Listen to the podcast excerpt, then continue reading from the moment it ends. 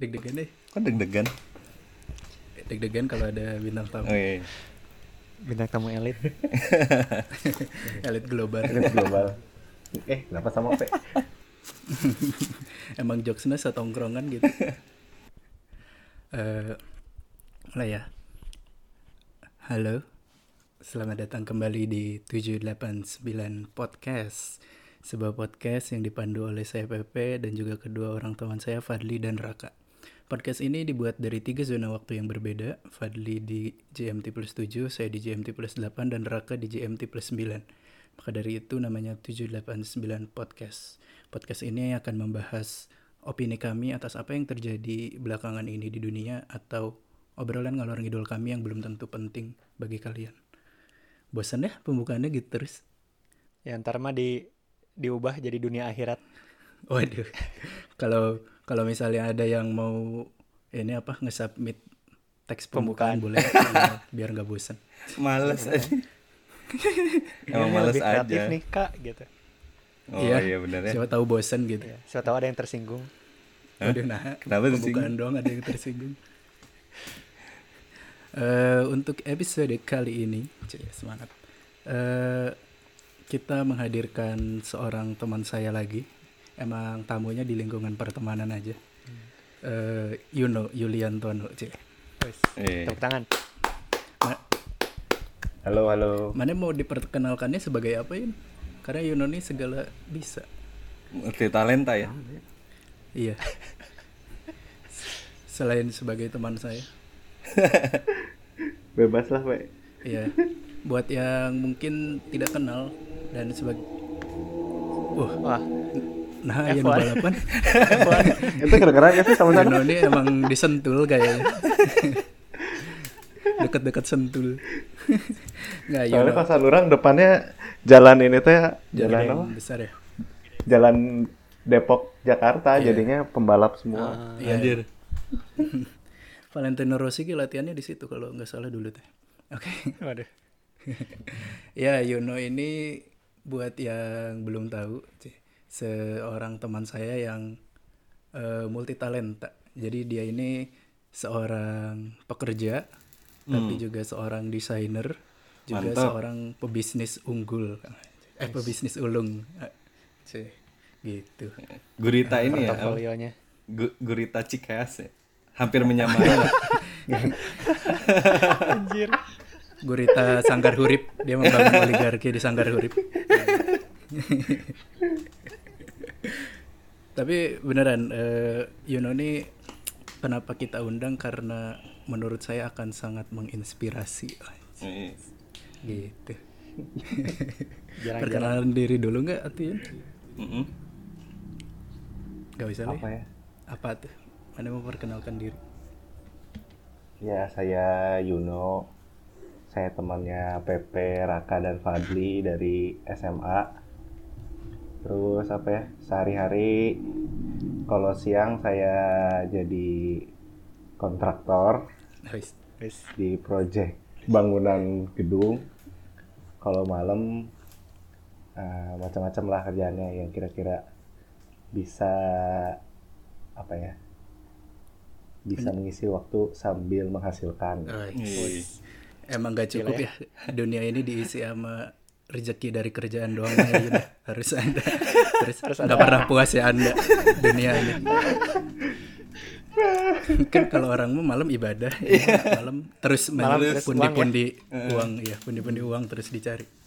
Tapi itu poinnya apa menarik gitu dari Yuno Eh, ini mah bukan karena direkam ya Yun sincere banget tulus. Kayak eh, dari dulu tuh orang selalu ngefans gitu sama Yuno karena karena kalau kali karena kalau kalian tahu nih kalau deket sama Yuno gitu sedekat aku sama Yuno walaupun dia terlihat hidupnya tidak apa ya eh, nggak jelas lah gitu hidupnya teh nggak sehat tidak teratur.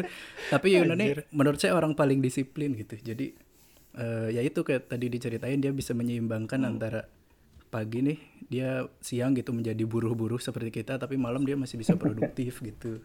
Nah yang jadi menarik nih pertanyaan pertama setelah eh, kamu melakukan semua itu pacar kamu siapa Yun? Waduh. Nah, saking sibuknya ya, saking, Saking sibuknya ada sibuknya. ya. Sibuknya. Pasti gak punya pacar kau. Tapi orang udah berapa tahun ya jomblo? Nah ini, Nah ini. tidak balance, love life-nya tidak balance. Hampir empat tahun kayaknya. Di kontraktor ada kali? Ada meren nggak ada ya? Nggak ada. Iya cewek strong gitu Yun. Heeh. Ada nggak? Di kontraktor banyaknya ceweknya cewek Jawa. Jawa Kenapa rasis? Aja. kalau kalau cowok Sunda kan kadang nggak cocok banget. Karena kan kalau kita kan sukanya yang apa ya? Eh, jadi ada nyantai gitu kan. Kalau cewek Jawa Tengah Jawa Timur kan ngeblar. Bener. Ngegelar tuh gimana tuh? Jadi misal kayak Waduh su- suka ngobrol sama orang Jawa Tengah Jawa Timur Benar, ya? benar. Ada, Jadi misalkan ada, ada. ngobrol ngobrol lagi ngobrol biasa gini.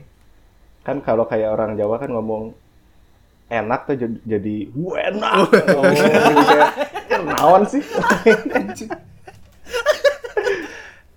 jadi rasa aja rasa aneh. Cuman sih orang-orang emang baik-baik, cuman wah kalau kalau hidup selamanya sama yang gini ya cocok juga. Ada yang bikin ilfil gitu ya. Aduh bangsat. Dasar. Ya gitu berarti ada juga yang gak balance. Nih buat yang mendengar terus tertarik sama Yuno boleh asal bukan orang Jawa ya. Oke. Atau Jawa jangan terlalu ngebar Iya. gitu ngomongnya. Ya ngobrol. Orang Jawanya kayak lah. di FTV FTV Sunda gimana Li? Ah, orang Jawa di FTV Sunda tuh gimana? Jangan dipaksain logatnya. Tias. Oh, yang Mangayun. Aku mah teh. Gitu, ada ada ke atas gitu loh nadanya tuh vokal. Iya gitu. Aduh. Tapi karena apa ya? hmm, kan kehidupan pekerjaan emang kurang menarik lah ya kalau diomongin. Mm-mm. Gimana Yun Iya. kamu mem- Garing atau uh, memulai eh, bisnis gitu dari kan kalau setahu aku dari dari apa dari SMA ya udah mulai-mulai eh, bikin Hmm, distro dan lain-lain gitu mungkin bisa diceritain untuk para pendengar Hmm. Jadi pas kalau pertamanya pisan mah kan sebenarnya dari kelas 1 SMA juga udah seneng ngedesain maksudnya, tapi pakai masih belum mengenal Corel Draw, maksudnya belum luas lah, baru dulu baru terpakunya sama Photoshop, Hmm. sama Photoscape kalau zaman dulu SMA awal-awal tuh. SMA kelas 1. nah, pas kelas 1 tuh orang udah sering ngedesain-desain tapi banyaknya buat kayak fun aja misalnya ngedit-ngedit foto anak kelas gitu-gitulah. ngedit ini ya ngedit ngedit apa sih yang duel futsal duel futsal Nah, Poster. eh itu mah kelas 3. oh gitu Kalau kelas 1 mah enggak. Hmm. Kalau kelas 1 mah ngedit-ngedit foto anak kelas terus orang bikin stiker kelas gitu-gitu. Eh, Nah, terus kelas 1 tuh orang belajar ini eh, kan sama si Udin. Nah, si Udin kan anaknya eh, pergaulannya luas ya, luas pisan jadi. mau bilang aneh Sama si Udin tuh kayak kayak eh, software-softwarenya bukan cuman desain grafis tapi kayak Audacity yang gini-gini editing video itu tuh awal-awalnya pas kelas 1 SMA. Nah, pas kelas 2 SMA kan orang ngeband sama teman-teman si Pepe. ya kan teman-teman mana juga tuh kenapa teman-teman orang Terus teh karena orang seneng ngedesain-desain gitu jadi ngedesain juga stiker si Morning Highlander Ya, kan. stiker. Warning. Nah, ma- awal mula orang ngerti sistem apa desain untuk produksi itu dari sana, dari pas si Morning Highlander ini bikin stiker kan di Rakel tuh, Hmm. Yang deket Jalan TVJ. Cemara, Jalan Cemara. Nah, orang ke sana tuh, nah udah Jalan Cemara yang di gang. Orang ke sana tuh pertama kali karena baru pahamnya eh, Photoshop sama apa Photoscape Hmm. gitu gitulah yang bukan software untuk produksi pas orang bawa ke sana filenya teh di diketawain ibaratnya teh kayak di eh, eh, kayak di apa ya yang Ceramahin. gini mah nggak bisa lah diproduksi eh, eh, digituin diceramahin Hmm.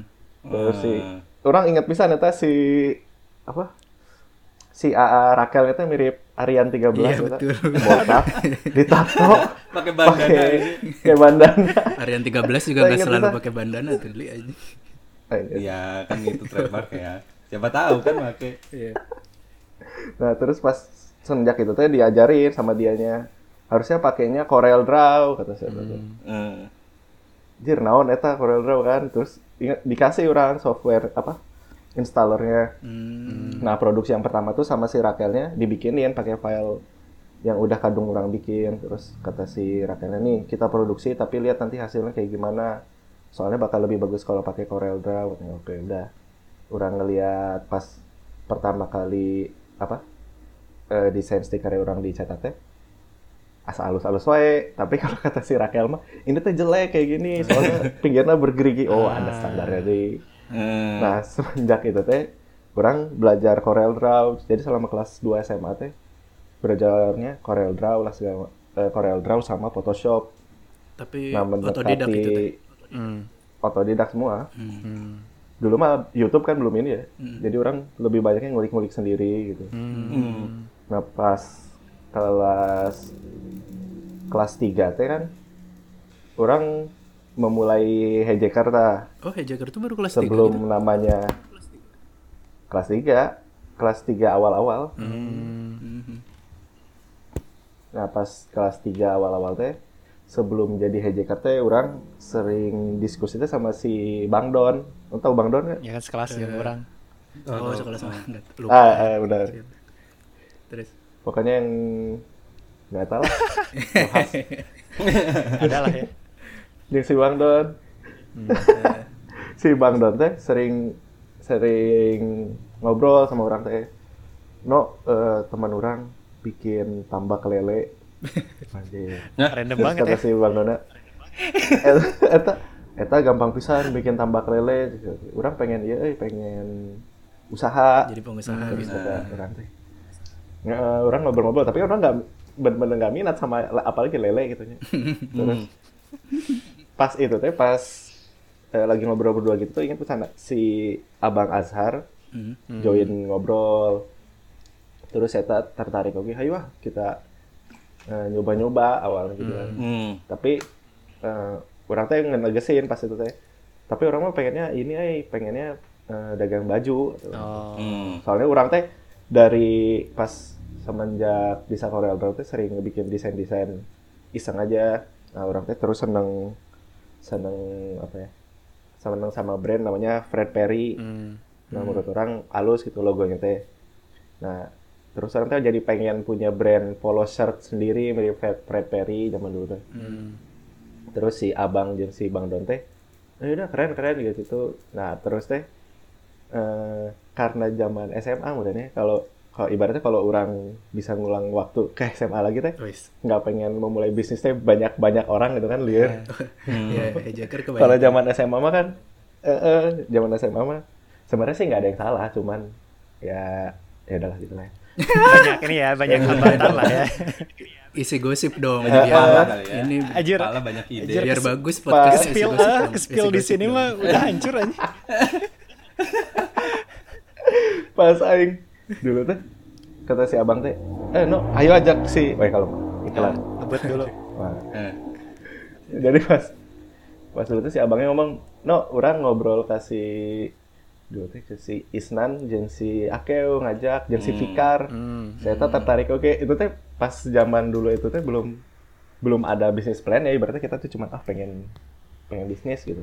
Hmm. Nah akhirnya ngumpul lah itu di, di kabel ingat pisan di harap saya tukang siomay sih karena Waduh, Enggak tahu. spesifik banget ya. Samping. Katsu aja. Samping Katsu ya. Samping si Dozo, bukan sih? eh eh, eh dekat sana Ah. sejajaran Iya. Iya, iya. Ada cireng Kayaknya nggak keraton. usah dibahas yuk. Yuk. Ada cireng keraton mahal banget aja. Iya, yang dekat Cirang Keraton. depan ini ya ini rawan zombie Ya, Ron Nah. Zombie. Tahu rawan zombie Ron Zombie trademark kan. Di depan ini teh ngobrol bareng-bareng ber pas teh berapa orang berarti tujuh orang deh tujuh enam orang lah lupa Hmm. enam orang enam orang nah terus eh, kita teh ngobrol bikin ini bikin ini bikin wah keren keren keren nah terus kan kendalanya kalau zaman SMA satu modal doang kan. Hmm. Hmm.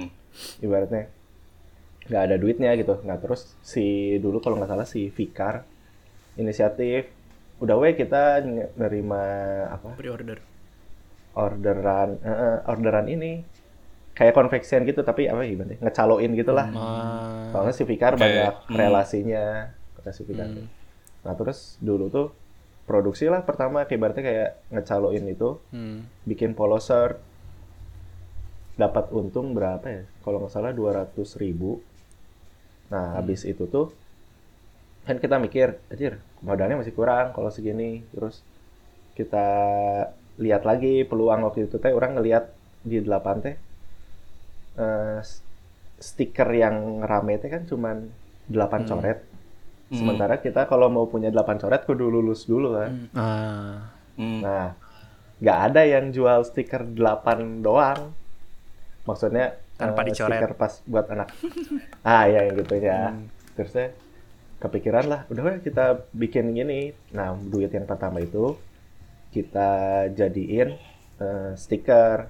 Kenapa awalnya Oke. stiker? Karena orang was- pas dulu tuh cuma pahamnya produksi stiker doang gara-gara si dulu sering bikin yang buat si Morning Blender kan. hmm. Hmm. Heeh. Bikinlah stiker dulu tuh. Pokoknya jadinya sekitar 50 piece atau berapa ya? Pokoknya harga satuannya tuh dua produksinya 2500 apa 3000 gitu. Hmm. Kurang jual teh dulu 6000 ya kalau nggak salah. 6000 7000 aja. Hmm. Nah, itu kan modalnya langsung mutar lagi jadi rada gede. Nah, pas itu malah jadinya teh keasikan bikin stiker Hmm. si Arurang si Oke. waktu itu udah udah atas nama Hijacker Hmm. terus idenya makin liar lagi kan anjir kita bikin aja si stikernya tuh buat tiap angkatan kita cobain dulu Hmm. angkatan Hmm. 2012 Karena laku ya. Heeh, bikin nanti 2012 tapi pre-order makanya kalau ngelihat stiker 8 yang 2012 yang dulu eh, Hijacker bikin teh di sebelah angka 8 ada kayak logo Fred Perry kan karena orang lagi suka Fred Perry zaman dulu teh Ah. Yang kayak ini nggak sih beras berat padi gitu? ah eh, kayak padi itu Eh. Ingat aing. Nah, itu kan disebarin ke tiap kelas kan. Dulu sampai yang 2012 nya 1000 piece kalau nggak salah. Hmm. Pokoknya jadi kalau nggak salah setelah itu tuh jadi punya duit sekitar 3 juta lebih. Tapi pas itu teh malah eh, fokus UN kan. Hmm. Oh. Fokus UN, SNMPTN UN gitu lah. hancur kan ya. Heeh. Terus saya jadinya duit yang asalnya mau udah mau dijalanin teh mau dijadiin apa produk sendiri tuh malah nggak jadi akhirnya ah udah aja kita jadiin kaos buat kita sendiri kita produksi Hmm. 12 piece makanya pas dulu Hmm. apa sih Porseni terakhir kan ngeband aja si HJ Karte kan nah itu teh pakai kaos putih semua kan nah itu tuh hasil produksi sendiri yang paling pertama Yang apa sih tulisannya Oke. lupa aja. Tul lupa. Eh lupa orang ya orang tahu. tulisan pokoknya Ah, tulisan. Hmm. yang warna putih Iya, iya. yang itu awalnya dari sana tas abis itu eh, si akhirnya agak clash sama si Fikar sama Bang Don jadinya Hejekarnya jalan sendiri tapi pas abis eh, abis kuliah Hmm. gitu Sorry. awalnya mah dari sana abis kuliah baru Berarti si Hejaker teh SMA belum jual baju ya? belum Oh, lupa. Orang kira malah dari pas abis abis lulus SMA juga langsung ya. yang pertama didagangin kan yang baju Mars 8 Ah, Hmm. ingat ya? iya. Oh Iya, iya. iya. Ingat ingat. Hmm. itu Itu kalau proses kan akhirnya kan bikin baju dan bikin desain itu proses kreatifnya tuh gimana? Apakah mana sendiri yang buat atau di atau ada beberapa orang yang buat yang mana konsep? dulu Heeh. Kalau Hijacker hijacker sama mah- stiker. kalau pokoknya bedanya jadi hijacker teh ibaratnya gimana sebenarnya mah nggak terlalu profit gitu kalau buat Hmm, sebenarnya oke. Hmm. nggak menghasilkan lah kalau buat anak-anaknya mah tapi kalau dari segi pengalaman sama ilmunya anjir Banyak banget ya. loba pisan gitu Banyak ya? Heeh. Hmm. jadi ibaratnya kalau dulu hijacker mah semua dijalanin teh eh, learn by doing pas yang sekarang orang ngejalanin yang konveksi teh ibaratnya kayak ngevaluasi yang dulu oh jangan kayak gini Hmm. kalau dulu di hijacker mah kayak pro, kayak karena orangnya banyak ada sampai tujuh. Terus tujuh tujuhnya kan seneng konsep. Hmm. jadinya tuh kita kadang sampai rapatnya sampai 4 jam cuman buat ngomongin konsep gitu. Hmm. sebenarnya kan gak efektif. Nah dulu tuh kayak gitu. Tapi pada akhirnya mah kan jadinya tuh kalau zaman hijacker dulu mah eh, konsep tuh dibuatnya bareng-bareng. Bukan sama orang yang job desk-nya konsep. Iya, iya. Hmm. jadi kayak dibikin berita acaranya oh ya kita bikin ini baru abis itu teh orang yang ngerealisasiin desainnya Hmm. Nah, bedanya sama sekarang kalau si konveksi kan job desk-nya lebih jelas. Hmm. Nah, orangnya juga lebih orangnya sedikit terus job desk-nya jelas jadi semua konsep desain sampai desainnya sampai ke apa ya? Desain untuk marketingnya teh orang yang bikin sama yang konsep. Hmm. Nah, si Gentong sama si teman orang si Babe eta berdua fokusnya di produksi jadi Hmm. eh, apa? Udah ada goals-nya masing-masing lah. Hmm. Lebih enak. Terus Keren, terus keren, keren. tadi hijacker. Jalan berapa tahun sama hijacker? berapa tahun ya? Berat kalau dari 2012 orang resign dari Hijacker teh 2017 berapa tahun berarti? Lima tahun. Enam tahun ya? Enam tahun. Iya lima tahun. Lumayan lah enam tahun mah pasti kayaknya kayaknya lumayan laku nggak sih hijacker? Iya. ya. Laku sebenarnya apa ya? Cuman Secara bisnis gimana? nggak Kalau dulu kan ya. terlalu Mm-mm, jadi Ah, sebenarnya mah si produknya teh jadi ibaratnya mah kalau lagi kuliah terus bikin Hijacker Ya. oke lah gitu. Tapi kalau udah misalkan kerja terus sistemnya masih kayak yang Hijacker dulu apa penjualannya kayak dulu terus produksinya kayak dulu wah kurang ini kurang apa ya kurang muter. ya, nggak nggak bisa ngambil Jadi cash flow-nya nggak bagus. ya nggak bisa kayak ngambil gaji gitu ya dari situ gitu. Heeh, susah, susah. Hmm. Kalau dulu kan kita cuman orientasinya eh, bikin sesuatu yang keren. Nah, iya. Iya. Menurut mana hijacker laku gara-gara orang-orang yang populer atau desainnya bagus? Masih pertanyaan jebakan. Eh, Mas, kalau orang ngelihatnya kayak gitu, Pe. Bener nggak? kalau orang-orang ngelihatnya kan si kayak misalkan kan baru udah kayak Jacker Memecah eksis eksis ya, kecuali orang. Iya. Kecuali orang sama si abang guys. Enggak lah, mana Enggak Sisanya lah, eksis eksis eksis lah. juga. mana juga eksis di scene indie lah. Hmm. Kalau yang lain kan eksis kayak si si yang lain lah, apalagi Isnan kan paling eksis. Cuman kalau orang ngelihat kultur ininya ya, budayanya si si orang-orang eksisnya yang lain juga gitu ibaratnya kan. Jadi mereka teh tahu gitu bahwa hijacker tuh eksis gitu ibaratnya ada hijacker tuh. Cuman mereka tuh gengsi kalau buat beli si kultur circle-nya si siapa ya kalau nyebutnya kayak circle-nya si menurut teman circle-nya si Akeo, si Alfian dulu si yang dua itu lah yang si sama si Welas itu pada sebenarnya support tapi supportnya tuh bukan dalam bentuk beli produk karena mereka kan lebih senangnya beli produk yang ibaratnya di atasnya hijacker lagi lah gitu Hmm. itu bedanya Ya udahlah. I see. Kalau Tapi kejual saya- banyaknya mah malah justru dari online tetap Hmm. Online tuh kayak apa kayak order desain atau apakah masih tetap di baju, distro, Kalau- clothing atau gimana? Ya. hijacker dulu mah banyaknya dulu tuh kan nah dulu tuh kan kerja sama tuh hijacker tuh nah ini timeline ini tapi rada jadi rada ngacak Hmm. si hijacker kan dulu setelah berjalan tiga dua tahunan lah kalau nggak salah Hmm. dua tahun dari tahun 2012an itu itu kan terus kita tuh mulai mengenal mengenal marketplace dulu tuh tapi belum dulu, dulu kan belum ada kayak Tokopedia gini lah Hmm. Nah, Hmm. terus dulu tuh adanya buat lokal brand tuh namanya cuman lokalbrand.co.id itu nama websitenya gitulah kayak dia marketplace-nya gitu. Hmm. Nah, kita tuh masukin produk kita ke sana, tapi kan dikurasi dulu kayak di eh, apa ya? Kayak dicek dulu gitu sama mereka ini produknya menjual nggak sih, terus kualitasnya bagus nggak sih? Nah, ternyata eh, lolos, terus responnya bagus. Pokoknya tuh si Hijacker tuh kan naruh di sana baru berapa bulan, ya, baru sebulan. Terus tiba-tiba ada film filosofi kopi itu kan. Hmm. Hmm. Nah, si kita tuh sebenarnya nggak diinfoin juga Nampak sama si random tapi berhubungan ya. Eh, eh.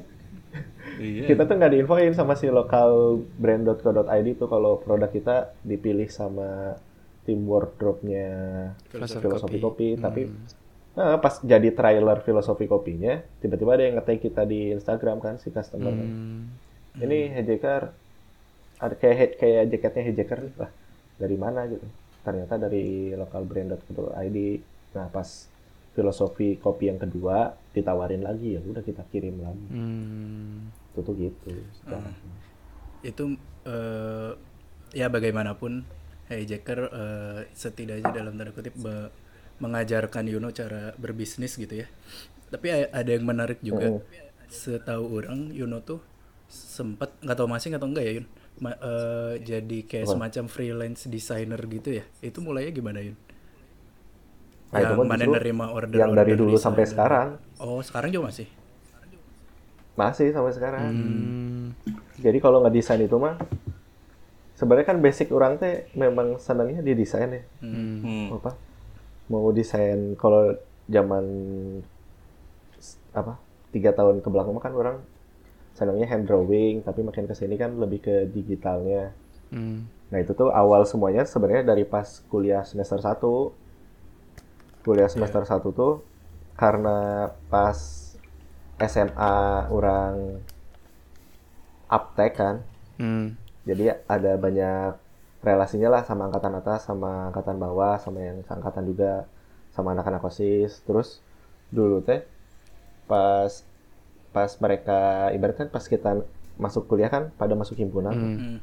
Hmm. nah terus kan sering ada event-event himpunan sering ada event-event acara nah itu si angkatan atas maupun angkatan angkatan bawah nggak ada sih yang seangkatan sama kita teh banyak kan maksudnya si Akeu juga si terus awal-awal tuh si Arini IPS 2 tuh kan tidak tahu pengetahuan kita Iya, iya. yang itulah yang anak osis ya itulah kayaknya Ada lah. itu yang awal-awal order ke orang lah ibaratnya itu customer customer pertama Hmm. eh, order ke orang bikinin ini dong apa backdrop desain backdrop panggung bikin desain desain ini desain ini nah pas itu teh orang nggak nggak tahu cara matok harga kan jadi Hmm. yang penting bisa dapat duit aja Hmm. nah ternyata eh, berlanjut dari omongan ke omongan pas sampai setahun itu tuh ibaratnya orang tuh ngedesain tapi kayak cuman dari mulut ke mulut gitu. Oh ini bisa ngedesain bisa ngedesain. Ini dulu kan BBM ya? Ini BBM-nya gitu. Nah terus yang selanjutnya jika bakal jadi YC desain tuh sebenarnya dari si man si dari Ya, si mantan orang. Jelasin dulu dong namanya. Iya. Tiba-tiba muncul IC aja. Nah, jadi cikal bakalnya dari dari dari mantan orang si Hairina. Oh. Si Hairina kan masuk kuliah. Orang tingkat dua. Nah si Hairina teh karena masuknya kuliahnya di manajemen Unpad, jadinya eh, lingkungannya kan banyaknya yang udah mulai usaha sejak kuliah lah. gitu kan. Ah. Nah, terus teh ada seniornya. Eh, namanya siapa ya? Idang kalau nggak salah. Enggak Nah, si, enggak tahu ada namanya juga. nggak akan kenal, orang juga nggak kenal. Iya kan deh. Si Idang. Pokoknya cek Shout out kata si Hmm. si Hai- si Hairina tuh ngomong dulu, kamu tuh harusnya dibikin ada Instagramnya, terus ada mereknya, ada namanya sendiri, ada nama brandnya, jangan nama kamu sendiri. gitu. Kayak si ini nih, kayak si Kang Idang, ada namanya IDG Design. Nah, orang awal terinspirasinya dari sana. Wah, anjing. Keren juga. Makanya orang kan singkatan. Nah itu kena- kenapa sampai singkatannya tuh ada ya oke. sampai sampai keinget Jadi orang tuh pengen Berarti. ada IDG. Kalau kalau si Idang kan jadi IDG Idang. Kalau Aing kan Yuno doang. masa YNO kan terasup ya. Iya, sih. Eh. Susah sih. Terus teh karena dulu kan zaman iya ya awal-awal pacaran lah jadinya visi visi dari si YC Design teh adalah biar punya duit buat makan-makan Iya enak. bener, Bro. iya bener. Orang inget banget cerita Yuno dulu pas orang tanya Iya kan? namanya JC. Dari DC terus teh orang tuh nanya ke si Hairina, si Hairina kan dipanggilnya Ica. Iya. gitu kan. Terus, Hmm. terus, Ca namanya apa yang bagus ya? Ya kayak ide, kayak IDG itu aja bagus. Ya terus apa nama aku kan YY aja tuh, tuh aneh gitu. Terus orang mikir ya udah eh, YI YI itu masuk ya, ya udah YC. Oh YC masuk. Terus orang cari aja disangkut pautin oh, eh, youth creativity ya adalah Mantap, padahal mah. Padahal dulu pas orang Padahal pertama nanya, kenapa ya namanya YC? Ya soalnya orang yang nyari duit si ini siapa Eh, si Ica yang ngabisin duit Menikmati ya. jadi. Ya keren tapi ya. tapi itu menarik banget sih kayak kalau kalian jeli ya beberapa kayak tempat makan apa kafe di Bandung tuh banyak banget yang desainnya Yuno gitu. Se- sebesar itu ya jadi desain deh. Kalau nggak salah dapat orderan dari luar juga nggak sih? Sering juga ya? Dapat nah, nah, itu justru gimana sih Yun bisa sampai sampai gitu? Nah itu teh. Dulu teh kan orang si ini teh kembali ke ini ya circle circle circle apa ya tem- Pertemanan. pertemanan orang pas yang lagi fokus di Jakarta kan jadi kenalnya sama sama teman-temannya si Akeu si Alfian si Isnan semua gitu kan Hmm. Nah, jadi kan semenjak itu teh mulai nyebar lah. Ini si karena orang bikin Instagram juga kan. Ini ya C desain, bisa nih desain ke sini. Pokoknya jadi teman-temannya si mereka teh banyak yang nanya-nanya ke orang teh dulu. Eh bisa desain logo, bisa eh, berapa harganya? Orang teh kan dulu juga udah mulai survei-survei harga kan. Dan rata-rata teh bikin logo aja pas zaman orang kelas eh tingkat dua kuliah tuh udah harganya sejuta sampai sejuta lima ratus. wow Padahal menurut orang mah lebih bagus bikinan orang gitu. Terus tapi orang teh orang teh nawarinnya harganya jauh pisan gitu. Orang teh nawarin dulu harganya gitu, tiga ratus lima puluh. Murah pisan tiga ratus lima puluh ribu kalau menurut orang mah. Murah pisan soalnya orang bikin revisi teh nggak terbatas. Ah ini dulu mah ngaco pisan lah. Hmm. itu teh si teman-teman yang dulu teh pada nanya bisa bikin bisa ini harganya? Wah eh, mahal juga ya gini gini. Nah, disebut mahal gitu kan. Eh udahlah. Maksudnya orang mah kan nggak pernah terlalu menghiraukan eh, orang berpendapatnya gimana ya udah. Nah orang teh terus berpikir kan anjir gimana sih cara meyakinkan orang-orang teh? Kalau selain eh, orang teh pernah megang ibaratnya harus kan harus megang customer yang gede dulu baru Hmm. orang-orang teh mulai aware oh iya ini ja- eh, wajar lah kalau harganya segitu. Nah baru gitu kan. Tapi orang teh dari dulu juga udah nge DM DM si misalkan bisnis clothing yang lain gitu orang DM DM tapi nggak pada dibales pas dulu teh. Hmm. terus orang teh belajar ini kan hashtag Hmm. jadi kalau pas Instagram algoritmanya belum sepintar sekarang mah dapetin customer luar negeri itu lebih mudah Hmm. jadi tinggal kita pakai hashtag yang bagus, eh, ah, eh, maksudnya hashtagnya yang sesuai dengan apa yang kita post.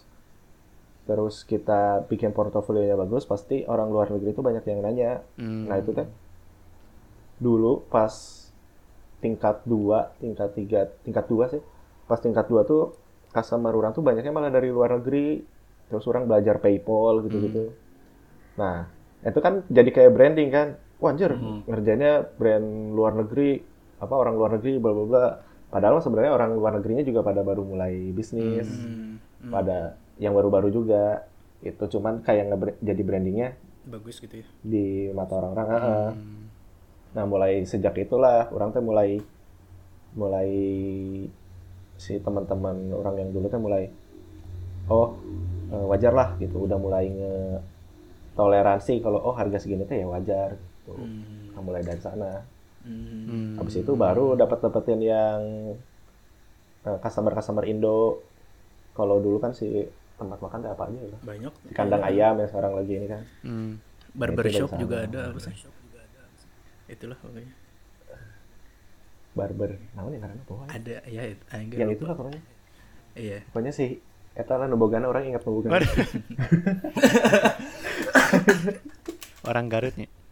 nah ya biasanya Garut. enggak Kalau baru. Ya, kemungkinan orang Garut. Eh, Ada ini nggak klien yang menyebalkan atau ceritaan nih Eh, ada nggak sih? dari order eh Ini kalau nggak misalkan tiba-tiba suruh gambar apa gitu ya kalau nggak aja. kayak yang eh, apa customer yang ngemis-ngemis gitu ada nggak? Ada anjir. Eh malah sebelum jadi customer ya teh.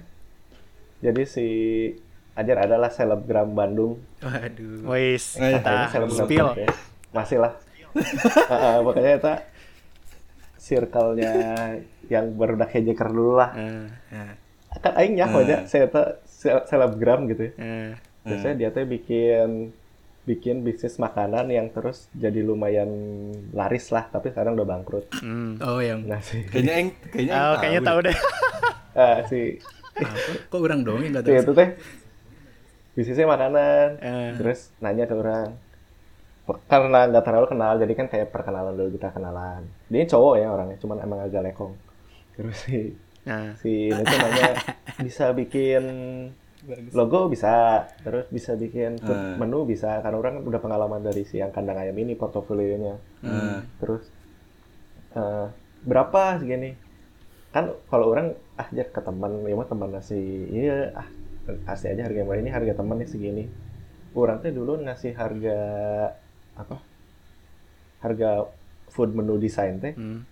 Cuman 150.000 ribu itu teh disebut wih mahal banget ya. Murah banget ya?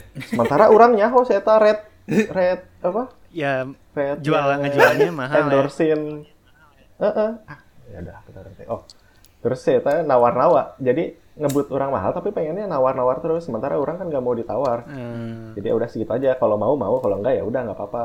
Hmm. tapi tetap masa-masa nawar. Akhirnya orang ah enggak kayaknya nggak usah ngerjain deh. Ke yang lain aja gitu nah ternyata pas sekian lama akhirnya eh, bisnisnya naik tapi malah turun lagi ternyata si permasalahannya sama dia nggak ngehargain karyawan semuanya lah jadi berarti kayak pengen apa ya, cepat kaya lah gitu. Untungnya besar gitu. ya. iyalah gitu Hmm. oh ya. Kayak plot cerita ini ya, cerita cerita Hidayah. pas Iya. Ramadan. Asli. Tapi setelah menghandle apa klien dari luar sama dari dalam negeri, apa Yun kira-kira yang paling ngebedain? Ah. yang paling susah teh kalau ngerjain eh, customer yang kalau kalau pengalaman ramah dari yang daerah apa Europe gitu Inggris lah orang pernah ngerjain yang Inggris susah Hmm. ribet kayak pengen detailnya teh jadi ah, ribet gitu lah padahal pakai bahasa Inggris kan. Hmm. maksudnya komunikasinya harusnya bisa lebih efektif gitu. Beda sama yang orang paling sering dapat dulu teh dari eh, Abu Dhabi. Hmm. Hmm. sampai berapa gitu ada ada kayaknya di atas Sultan, lima Sultan. waktu Sultan Sultan asli. Si apa namanya orang si orang-orang itu kan nggak paham bahasa Inggris bisa nih. Jadi mana bodoh-bodoh jadi mereka tuh lebih nggak jadi dia tuh lebih peng, lebih is jadi kan orang teh eh, seiring mendesain teh kan dievaluasi terus kan oh gimana sih cara komunikasi yang enak orang tuh bikin form segala macam Hmm. orang teh nyuruh si Hmm. ini ada namanya du anjir lupa namanya pokoknya ibu-ibu lah dari Abu Dhabi itu pakai kerudung ibu Iya, nggak apa-apa, nggak pakai nama. juga. nah, kenapa di setiap cerita mana harus pakai nama sih? terus si, aduh ini teh orang eh, please eh, is- isi ini lah formnya. Hmm. ngisinya teh Pakai bahasa jadi Arab. Iya, pakai tulisan teh- Arab. enggak enggak pakai tulisan Arab. Cuk. jadi eh, bisnisnya itu barbershop. Namanya apa ya? Lupa. Eh, nah terus si ngisinya tuh cuman kayak inti- pokoknya intinya tolong dibuat mencerminkan barbershop tapi dibuat bagus. Udah ya gitu doang. Ah, iya iya. warnanya bebas. Eh, as you wish as you wish as you wish aja ngisi ah Ah. Aing kan udah malas ngerjain ya kan ah anjir pasti ini banyak revisi. Hmm. soalnya Oh, iya. dia juga nggak tahu yang dia Mau, mau, ya. teh kayak gimana gitu. Orang bikin aja ngasal set Eh, kirimin previewnya ke dia terus kata dia oh yaudah sudah ini sudah bagus sudah bagus sekali. Bungkus langsung. Eh, terus terus dia teh order apalagi selanjutnya teh jadi banyak. Oh. ngirim ngirimnya teh pakai dulu kalau dia dulu pakai Western Union jadi aing ngambilnya di kantor pos Jalan Banda tuh. Hmm. Nah, boleh tahu nggak rate-nya berapa Yun? Ya sekarang lah. Anjir. Nah, ya kalau orang-orang Kalau- pengen pengen nyewa jasa Yuno nih gitu. Ah. mm, Ada kalau yang luar negeri sama dalam negeri orang bedain. ah, Kalau justru si harga desain orang teh nggak naik harganya semenjak orang lulus kuliah. Kalau sekarang orang sekitar 800 bikin logo tuh. Tapi kalau ibaratnya si cash flow si bisnis desain orang mah bu- jalannya bukan dari bukan dari bikin logo tapi dari sosial media apa sosial media desain kan orang sekarang ngegarapnya kayak si ada bisnis jam tangan terus Hmm. eh, kacamata Hmm. kayak gitu Yang Jadi bikin layout- lebih enak kan layout karena gitu. Heeh, karena terus per bulan kan jadi dia udah nyiapin uh, purchasing order desainnya untuk satu bulan tuh kebutuhannya ini ini ini, nanti ada Hmm. ada promo apa aja tolong didesain ini ini jadi lebih kayak enak lah kerjanya sebulan terus dapat duitnya pas akhir bulan jadinya kan eh, kayak gajian gitu walaupun sebenarnya bukan gajian tapi kan borongan Menarik, menarik, menarik. Hmm. Seingat orang tuh dulu ya. Ini nggak tahu sih boleh diomongin apa enggak. Cuman kalau nggak salah Yuno pernah cerita ya eh, waktu zaman YC Design ini, mana udah bisa mengumrohkan orang tua anjir. Iya nggak sih? Pas habis YC Design Daftar. ini kan ya? iya Iya. waktu dulu kuliah waktu, Waktu dulu itu inget, banget bilangnya orang cuman ngedesain terus modal listrik dari PLN. anjir. menarik. Inspiratif sekali. Iya mana bilang gitu dulu. Soalnya kan kalau duit desain gitu nggak orang pakai, Pe. Duit Ah, desain gitu jadi nggak pernah ditabung orang gitu. pakai. Nggak, eh, jadi itu mah kayak malam-malam kerjain gini nih, kerjain. Hmm. Duitnya masuk, tapi kan orang buat sehari-hari kayak kalau sekarang kan dari, gaji bulanan kerja lah gitu. Hmm. Jadi kalau yang gitu di diceknya akhir-akhir bulan aja. Wah, Ternyata duit. lo bau ge. Eh, Tapi ini kayak nyambung sih ke yang tadi Yun kayak ada nggak sih tadi kan sekarang kan masih kayak kerja gitu ada nggak keping apa kepikiran gitu pindah full jadi desainer gitu pengen orang teh. Jadi alasan utama orang kerja teh hmm. karena eh, ibu orang sama almarhum bapak kan yang mau ibaratnya pengennya orang kerja kayak sekarang gini tuh eh, mereka kan kalau basic eh basic apa ya, latar belakangnya orang tua orang kan babe orang teknik sipil ibu orang kan eh, apa punya usaha jahit Hmm. kayak gitu. Makanya sebenarnya bisnis orang mah kan nggak ada nggak jauh-jauh sama kedua hal ini kan ibaratnya yang da- dari hmm. orang tua orang gitu. Kayak bikin apa dagang baju juga awalnya kan karena sering lihat ibu orang oh bikin baju gini jadi orang sering nanya juga ke ibu orang dulu gitu. Kalau kerja kan sama ibaratnya bidangnya kayak babe Eh, ada hal menarik lagi nih untuk dibahas dengan Yuno soal ini eh, hal ini yang paling ngebuat orang respect sama Maneh anjir. anjir Eh, soal ini sekarang kan Yuno juga bikin konveksi ya. Hmm. dan sekarang udah bisa ngegaji beberapa orang lah gitu. Nah boleh diceritain nggak awal mula sampai sekarang gitu? Gimana si pembuatan konveksi ini gitu? kalau konveksi itu sebenarnya yang bikinnya kan bukan orang doang. Orang sama si gentong sama si babe si himin Gak tahu. iyalah nah kan yang itulah pokoknya yang, yang sering aing update Iya. di Instagram lu setelannya gokil itu si himin Eh, itu teh awalnya kan nah awalnya itu sebenarnya dari pas orang cabut dari hijacker sebenarnya yang cabut duluan kan si gentong gentong beda seminggu lah sama orang ibaratnya karena hijrah ya Gentong. gentong resign Aduh kenapa sih? salah satunya itu salah satunya itu makanya jadinya gentong resign duluan pokoknya selang eh seminggu biar selang sebulan kalau nggak salah. Hmm. terus orang yang resign Hmm. karena dulu tanggung jawab orangnya udah selesai terus eh, agak susah lah. Ibaratnya kalau harus meetingnya di Bandung segala macam orang kan di Jakarta terus. Nah akhirnya si setelah itu tuh kan orang bisnisnya jadi cuman desain doang terus si Gentong nggak ada bisnis juga nah sementara orang teh eh, punya bisnis juga namanya kan Living Basic yang jualan kaos ah iya eh, ha- hand lizard itu kan. Hmm. Nah itu teh orang sama si Himin berdua. Nah terus orang teh mikir aja kayaknya seru bikin konveksi gitu. Tapi em, sambil ngumpulin modal, orang ibaratnya jadi kayak calo dulu gitu. Awal-awal tangan kanan tuh gitu. Hmm. Pas tahun 2017 tuh sekitar enam bulan tuh ibaratnya kita kayak cuma ngumpulin modal aja sampai dapat sekitar 7 juta terus rencananya kita mau beli mesin segala macam gitulah sama tempat nyewa nah asalnya tuh sebenarnya rencana planningnya tuh si tangan kanan tuh mulai punya workshop sendiri tuh targetnya sih di 2018 akhir Hmm. Nah, cuman pas bulan Februari 2018 kan eh, bokap bokap orang kan meninggal, babe orang. Nah, jadinya teh rumah ibu orang teh nggak mau ninggalin nggak mau nggak mau tinggal di rumah yang sanggar hurip sekarang orang karena eh, sedih terus rumahnya juga terlalu besar kalau ditinggalin cuman berdua. Hmm.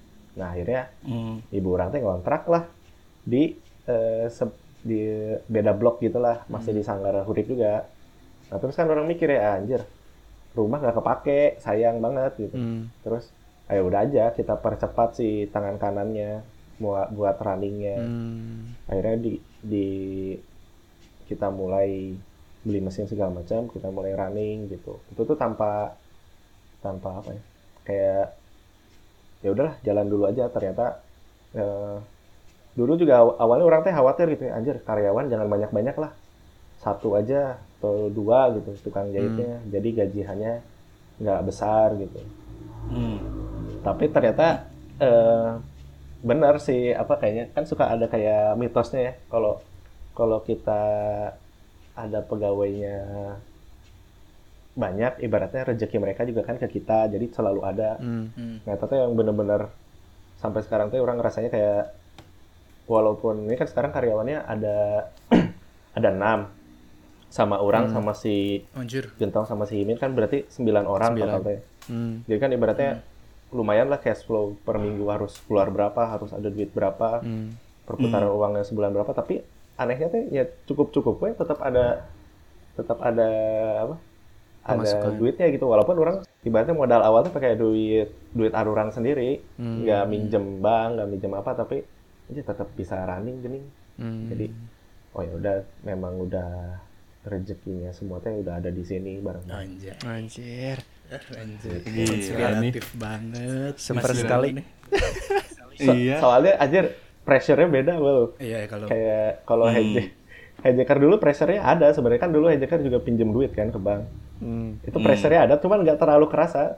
Lebih kerasa pressure-nya teh pas konveksi ya, soalnya kan ibaratnya mah eh, pegawai itu Iya, pegawai pegawai manusia sendiri. gitu. Eh, eh, terus kayak kita teh harus anjir ini tuh banyak walaupun orang ber- belum berkeluarga tapi si kar- si tukang jahit orang mah kan udah pada berkeluarga ibaratnya orang si gentong si Himin teh eh, bertanggung jawab oke kan terhadap memberi nafkah Hmm. si Hmm.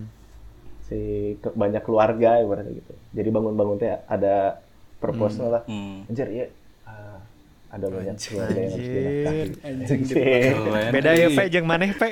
Iya. Beda. Otaknya ulah pesimis, Eh. Pe. Kalau Yun, kalau menurut Mane eh, dalam kan Mane banyak berkecimpung di du- dunia desain terus dalam dunia konveksi atau clothing lah. Kira-kira iklim iklim dalam ya di Bandung atau di Indonesia lah mengenai dunia clothing itu masih oke atau enggak? Kira-kira. Kalau buat memulai bisnis clothing masih oke pisan. Jadi si sekarang teh sebenarnya marketnya teh kan Hmm. kebagi dua. Jadi orang yang mulai bisnis clothing teh sekarang makin banyak, banyak pisan. Tapi brand clothing yang besarnya juga Hmm. udah banyak. Jadi ibaratnya kayak produsennya banyak, tapi eh, permintaan pasarnya juga banyak sebanding jadinya. Hmm. Jadinya Oh, oke. masih oke lah. Orang juga khawatirnya awalnya, anjir ya bidang clothing mati tehnya kalau nggak ada custom- customer gini takutnya Hmm. Orang-orang tuh udah pada takut untuk memulai usaha segala macam gitu. Hmm. Ternyata ya Hmm. bagus-bagus aja. Malah yang orang takutin teh yang itu yang mau ada apa eh, pusat industri di mana sih Erick Thohir sama Jokowi mau bikin. Aing jadi takutnya anjir kayak UMKM kumaha ya pareum kabeh. Ah, Iya, iya, iya. nggak tahu nih, kurang tahu. ngaco lah, cuman pasti ngaco. eh tapi menarik tadi mana mention UMKM itu sebenarnya kalau dalam dunia dunia sekarang UMKM itu masih bisa terus maju atau ada ada potensi kegerus tadi? Iya, sama yang besar-besar. kayak yang mana bilang? Eh, sama besar-besar. Apakah kompetisi itu nyata signifikan atau enggak? kalau sebut signifikan sih signifikan. Cuman kalau sekarang teh jadi eh, kayak misalkan maksudnya orang juga ngerasain dulu pas di Hejeker jadi Hejeker teh udah ada diferensiasi produknya udah ada terus produk eh, marketnya udah ada cuman dulu teh ada kekurangannya di segi produksi sama marketingnya kurang bagus Hmm. Nah, si UMKM teh kendalanya sekarang semua sama. Jadi begitu, jadi semua tuh hampir stucknya di tahap UMKM pas mau lebih grow lagi teh kan butuh banyak cost terus butuh banyak eh, orang yang lebih handal lah ibaratnya. Nah itu biasanya pas mau naik mau grow lagi malah nggak bisa jadinya kayak stuck terus akhirnya malah mati terus malah bikin bidang usaha baru banyaknya kayak gitu. Hmm. Karena kalau dilihat perhatiin aja sekarang kayak misalkan brand clothing yang besarnya yang laris-laris kan cuman sebagian kan, nggak banyak. Banyaknya lagi sih yang tahapnya ibaratnya kayak stuck di kalau dari segi followers, followers itu masih puluhan ribu, belum sampai seratus ribu gitu. Hmm. Itu kendalanya si UMKM sekarang tuh. Pas mau apa? Mau next to the level lagi teh, Ah, susah. eh, susah, susah bisa. Itu doang. Dengan banyaknya kompetitor gitu, Yun, ada masalah ini nggak kayak pen- pencurian ide, pencaplokan desain gitu tuh. Kayaknya kalau saya sebagai orang awam ya, orangnya kayak desain, terus hasil desain, hasil ide itu kayak rentan dicaplok gak sih? Hmm. Kayak nggak clear gitu rentan loh. pisan, Ini tap- tapi kalau yang biasanya dicaplok teh yang punya ciri yang gimana ya? Kayak misalkan mana suka ngeliat sih? Kan desainer teh macam-macam ya. Ada yang desainnya teh satu tipe gitu-gitu semua kan Hmm. jadi orang teh udah melekat oh iya mah desainer si iya ini mah desainer dia ini desainer dia. Nah ada yang karakternya gitu yang, lah ya. Heeh, yang ada ah, yang karakternya kental lah yang kayak gitu. Itu yang gampang dicaplok teh sebenarnya. Tapi kalau kayak orang mah kan eh, membuat sesuatu yang diinginkan customer kan? Oh. bedanya itu. Jadi sebenarnya orang mah nggak pernah nggak pernah merasa ide orang di apa namanya? Di Diambil. tiru- di plagiat sama orang. Ah, enggak karena semua customer orang kan punya apa ya punya ciri khasnya masing-masing. Nah orang yang tugasnya teh membuat si si karakter dari brand customer orang tuh direpresentasikan lewat logo gitu jadi nggak akan ke jiplak Hmm, ada lagi yang menarik. Mungkin terakhir. Hmm. Kan tadi sempat di-mention juga ya, Yuno sekarang kerja di konstruksi, terus desain masih jalan, terus konveksi juga jalan. Yang menarik gimana Yun cara kamu menyeimbangkannya gitu? Selain mengorbankan hidup sehat ya. Soalnya serius Yun ini bener deh disiplin banget kayak eh, sepengena sekenalnya aku gitu. Dia kayak Hmm. udah ada jadwal-jadwalnya ngedesain udah ada jadwal-jadwalnya mikirin konveksi udah, udah disiplin gitu tah. Gimana cara mempertahankan itu? Sama satu pertanyaan lagi eh, sebenarnya secara nggak sadar si jiwa bisnis ini teh dari mana? Apakah dari gen atau gimana kalau menurut mana sendiri? Kalau ngebagi waktu mah sebenarnya sih kan orang tuh kerjanya di kontraktor ya kontraktor teh jam kerjanya teh aja bener-bener nggak jelas Hmm, kadang kadang mana jam 10 juga masih lembur. Hmm. kadang sampai jam 3 subuh juga anjir sering teh kalau lagi sibuk-sibuknya ngecor Hmm. nah cuman kan kalau di setiap ada kendala teh pasti ada solusi kan yang yang selalu orang tanamin teh gitu jadi kadang kalau kayak sekarang kan proyeknya lagi nyantai nih jadinya orang biasanya jam 8 jam 7-an teh udah balik aja. Tapi kalau pas proyeknya lagi sibuk deh misalkan sampai ngeco- sampai karena ngecor kan malam-malam tuh. Biasanya startnya tuh udah jam 8 biasanya sampai pagi. Sebenarnya sih orang tuh nggak nggak nggak in charge untuk mantengin proses ngecor. Cuman kan orang tuh eh, di project tuh job desk-nya sebagai cost controller sama procurement. Hmm. Hmm. Jadinya orang teh berkaitan sama eh, operasional sama biaya lah Hmm. Nah itu tuh kerjaannya banyak pisan, tapi eh, memang sengaja orangnya cuma dikit, ibaratnya cuma orang kantor pusat gitulah, Hmm. karena berkaitan sama biaya kan. Nah itu yang bikin orang kerja sampai pagi teh karena eta. terus Hmm, mulai nah, cuman- berapa tuh kalau gitu Nah, kalau pas lagi ngecor gitu, kalau lagi kayak gini kan, orang ngedesain malam nih. Hmm. Biasalah, berarti jam 7 sampai biasanya jam 10, jam 11 beresnya aja. Tapi kalau lagi ngecor gitu kan nggak jelas pulangnya, kadang jam 2, kadang jam 1. Nah, karena kita pulangnya nggak jelas, makanya masuknya juga jangan jelas. Jadi masuknya, Pulang. misalnya, Bagus ya teori. jadi udah. kan ada solusinya tetap walaupun ada kendala. Ah, dia misalkan aing balik jam 2 gitu ya, kalau lagi ngecor gitu. Hmm. Jam 2 jam 1 tidur sampai subuh bangun terus tidur lagi sampai jam 8. Nah, teh biasanya masuknya jam 12, jam 12 jam 1. Nah, si sebenarnya kan jadi setiap hari teh orang ngedesain teh sebenarnya cuma 3 jam. 3 atau 4 jam lah.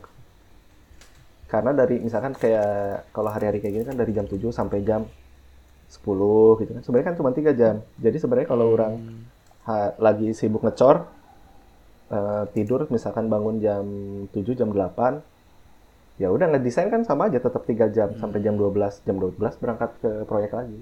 Jadi eh, durasinya segitu-segitu lagi, cuman jamnya aja. Kadang malam, kadang pagi kalau lagi sibuk. Tapi kalau lagi kayak gini sih, ya udah pasti malam orang depan laptop ibaratnya gitu. Hmm. Tinggal dijadwal aja. Misalkan kalau sekarang kan orang runningnya cuman dua bisnis sebenarnya, cuman konveksi sama desain. Jadi orang kalau konveksi itu kan lebih gampang kan karena eh, kita cuman bikin konten gitu aja yang menurut kita anjir eh, harus ada konten-konten ini nih buat dalam waktu dua minggu ke depan. Jadi biasanya orang teh hari Senin sama Selasa tuh eh, fokus di konveksi. Nah selang berapa harinya itu difokusinnya ke desain gitu. Hmm. dibagi-bagi aja Terus yang terakhir tadi jiwa bisnis ini menurut mana muncul dari mana Yun? awalnya atau gar- sekarang ini munculnya dari mana? Enggak menurut mana aja karena kayak kalau feeling orang ya sebagai teman kayak ngelihat mana apa ya ide bisnis tuh eager banget tuh kayaknya kayak eh, dari indung badan kan lihat ibu juga apa berbisnis dan lain-lain gitu apakah emang dari situ awal munculnya atau kumaha menurut kalau pas SMA mah sebenarnya karena orang seneng ngedesain. Makanya kalau diperhatiin sebenarnya bisnis yang orang jalanin teh nggak jauh-jauh Kayak orang dari bikin tuh. desainnya ah nggak jauh-jauh dari desain. Kayak sekarang konveksi eh, kan ada desainnya kayak customer misalkan eh, mau produksi tapi belum ada desainnya ya orang arahin ke IC desain gitu kan. Bikin desainnya di orang. bikin gurita Terus bikin ada gurita yang order. bisnis, mantap Dari sana. Empire. Hampir. Terus kayak ada yang bikin desain ke orang, mau sekalian produksinya ya, ini saya punya kon- konveksi, ini saya kasih best price. Oh, akhirnya produksinya di orang. bisnis Terus kan orang ada bisnis clothingnya juga si Living Basic. Pas dulu kan masih rame tuh awal-awal si tangan kanan. Kan bisnisnya jalan, jadi orang ngepromoin juga. Oh ya itu produksinya di saya tuh, itu teman saya. Padahal bisnisnya orang-orang. anjing brengsek ya bisnis orde baru ya Eh, monopoli. eh ya udahlah terakhir eh, apa ada tips and trick nggak yun ceh teman-teman anak-anak muda-mudi Indonesia yang mau memulai bisnis atau nggak usah Supaya nggak ada kompetitor. Kalau apaan sih tips? Hmm, saran Ya gitu. boleh tips. mungkin kalau orang Kalau saat kalau buat yang mau mulai usaha dari kuliah mah ya eh dari SMA atau kuliah ya jalanin aja. Nah, karena kalau menurut orang mah selalu selalu ngerasa teh kalau bisnis pertama mah pasti nggak akan jalan lah. Yang jalan mah pasti bisnis selanjutnya gitu. Makanya Hmm. bisnis yang pertama teh jangan di stop karena nanti pas lagi jalan bisnis pertama teh pasti memikirkan bisnis kedua. Hmm. Nah, yang kedua ini biasanya yang jadi lebih lebih kuat fondasinya karena ada pengalaman itu. Nice. gitu. yang lain ada yang mau ditanyain lagi nggak Mungkin dari Yunonya sih, ya promo gitu. Ah, promo kalau ada yang pengen Iya. pengen mesen desainnya Oh, ya, Yuno atau konveks ini kebanyakan Yuno prestasinya kalau di shout semua sih Bisa nyampein ngecor juga tuh, bahan bangunan. Iya Barengan, eh, barengan ngecor. Promoin juga, Bang. ya nggak apa-apa Yun Ya kalau Kalau ada yang ini yang ngedengarnya ada mandor borong silakan bisa hubungi saya jadi. Kalau ada yang mau produksi baju bisa ke Instagram tangankanan.bdg. Kalau yang mau bikin desain bisa ke @yc underscore design. Mantep. Eh, Eh, kenapa Instagramannya sekarang Yuno Juliantono sih bukan Yuno Art lagi? Udah nggak ngerasa se-art dulu ya? Kenapa? Enggak, anjir orang teh makin ke sini makin ke sini Kenapa, anjir? kalau mengeja Yuno Yuno Art, kadang orang Instagramnya apaan? Yuno Art. Si artnya teh kadang orang nggak mudeng kalau itu ART, sementara kalau aing nyebutnya Yuno ART, ART ini dong asisten rumah tangga makanya semenjak itu tuh orang eh, eh, bener. semenjak itu orang ah dah nama panjang. Menarik. eh mungkin disimpulkan eh tapi sebelum kesimpulannya ini sebenarnya buat pendengar karena saya cukup kenal dekat sama Yuno banyak banget hal-hal inspiratif sebenarnya yang nggak diceritain sama Yuno kayak dulu itu pernah ya sempet mau buat brand juga gitu ngikutin Yuno tapi si Yuno ini yang notabene sudah jauh lah gitu sama Hijacker tuh masih mau ngajarin aku bener-bener step by step dari mulai desain, marketing dan lain-lain. Jadi Yuno nih gini-gini tidak pelit ilmu gitu. Terus juga eh, soal yang desain ya, mungkin kalau yang denger sekilas dari cerita Yuno, Yuno tuh kayak street smart aja gitu ya, belajarnya cuma dari pengalaman apa segala macam. Tapi orang ingat banget pernah ke rumah Yuno terus ditunjukin apa sih Yun buku desain gitu ya. Jadi Yuno tuh emang bener-bener belajar kayak Oh iya, warna-warna untuk makanan tuh apa ini apa gitu-gitu ya nggak iya nggak sih jadi tuh banyak banget hal inspiratif dari Yuno yang dia terlalu rendah hati jadi nggak diceritain Ah, Wis.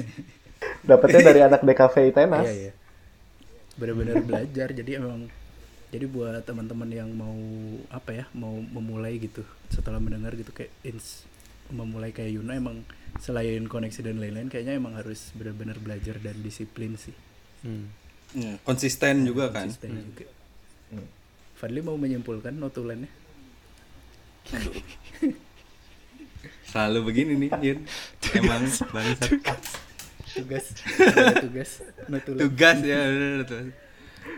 Ah, banyak sih gak mungkin gak mungkin bisa disimpulkan Iya, menarik sekali. dalam dalam satu kalimat gitu loh. Mungkin bagi pengen ini aja, pengen echoing yang yang Yuno bilang terakhir sih bahwa ya apa ya proses kan ada prosesnya jangan pengen usaha tiba-tiba kaya kan. Harus ada prosesnya terus ada konsistensi. Kita juga belajar banyak konsistensi kan. Dari mulai interest terhadap sesuatu mungkin terus dikejar sampai sekarang. Terus learning by doing sih Hmm, gitu. Udah. Udah. Oh terus nambahin terakhir nih kalau tadi sempat denger Yono kan kerja karena mengikuti keinginan orang tuanya jadi nyambung dari episode kemarin. Kemarin. bisa juga ternyata ada contoh suksesnya bahwa kita masih bisa ngikutin apa yang dimau orang tua tapi masih menjalani passion. Yono paling benci itu kalau Iya, ada iya. dibilang passion. Kenapa benci? Gak tahu. passion. Gak suka banget ya gitu aja lah ya. Ada lagi nggak? Iya. ya gitu aja. Eh, Udah. sudah sejam lebih. Terima kasih banyak Yun. Makasih, Yun. sudah Ah. mau hadir di Siap, 789 sama-sama. podcast. Makasih banget. asli ini sih inspiring Eh, anjir. harus inspiring banget Setiap- sejauh setiap- ini. Jadi kayak kon- kontemplatif kayak anjing orang ngapain ya? Eh, tapi bener sih. Eh, kenapa kenapa orang Yuno teh satu-satunya orang di dunia ini kayaknya yang masih menginspirasi dari dulu waktu SMA sampai sekarang gitu. Buat orang ya, karena orang tahu dari dekat segala macam kecuali saya ta- takut nonton horor Waduh. Anjir, ya nggak apa-apa dong. Itu preferensi aja. kalau misalnya ke rumah Yuno ya belajar desain atau belajar bisnis pasti diajakin nonton horor mumpung ada orang katanya gitu cupu emang cupu ya. dulu. Ada sisi menarik. ya gitu aja ya Yun makasih walaupun tidak nambahin exposure mana tapi lumayan inspiratif ceritanya Eh, Amin. ya tadi di follow YC underscore design terus apa tadi Tangan kanan dot BDG. tangan Tangan kanan, kanan. BDG. sekarang ada podcastnya juga lagi tangan kanan Iya, semua diembat dengerin semua juga. mau diembat Ada, emang bangsat you know. Kan Gurita. adaptasi. Mantap. iya bener Tinggal bikin YouTube channel. ada YouTube juga YouTube Monday- udah ada. Oh, udah. Monday juga Baru ada mulai Yuno nya juga Monday Haze dilihat Monday Oh itu ya. Oh iya. Mantap. Itu orang malah terinspirasi dari Marane. Wih. Bikin ke anak-anak Jacker, ayo bikin podcast. Ayo, ayo, ayo, ayo. Cuman ter- ternyata tidak semudah itulah kalau sama baru Jacker karena ada branding lah kalau. Emang orang nge-mention podcast biar mana muji kita sih Yun. Goblok. Padahal orang lebih senengnya yang kayak gini aja kan menurut orang podcastnya kan ngobrol yang direkam kan. Iya. Iya. Jadi jangan terlalu Ya, y- jangan terlalu di konsep kaku lah. you know tamu inilah y- tamu giliran. Sering sering muncul ntar. Sering-sering lah, main Nah, sering. ntar sering muncul. Awan. Setelah 12 episode dia paling inspiratif. Ada Baldi. Oh iya, iya. Pokoknya nggak sama pa- bintang Inspiratif, tamu tamu ah, inspiratif kecuali Julio. bangsat. ya. Aduh, pusing. Udah. Ada ya. eh, Hmm. Terakhir apa ya? Gimana sih nutupnya? Eh, tetap sehat. Tetap Tetap sehat. semangat, tetap semangat menjalani hidup. Hmm. Enggak juga nggak apa-apa sih. Enggak semua harus kayak Yuno kok kalau emang kalian nggak punya mimpi, Iya. pengennya kerja terus, terus nggak pengen pengen banget bisnis, pengen hidupnya gini-gini aja ya Iya. nggak usah kayak Yuno juga. Kalian jadi orang Iya. biasa aja lah kayak kebanyakan orang di dunia ini. Gitu. Eh, eh, ya sampai jumpa lagi di episode selanjutnya dari 789 podcast. Dadah. Makasih ya Yun. Bye. Nuhun. Thanks Yun. Sama Dadah udah. Wah, seru ini.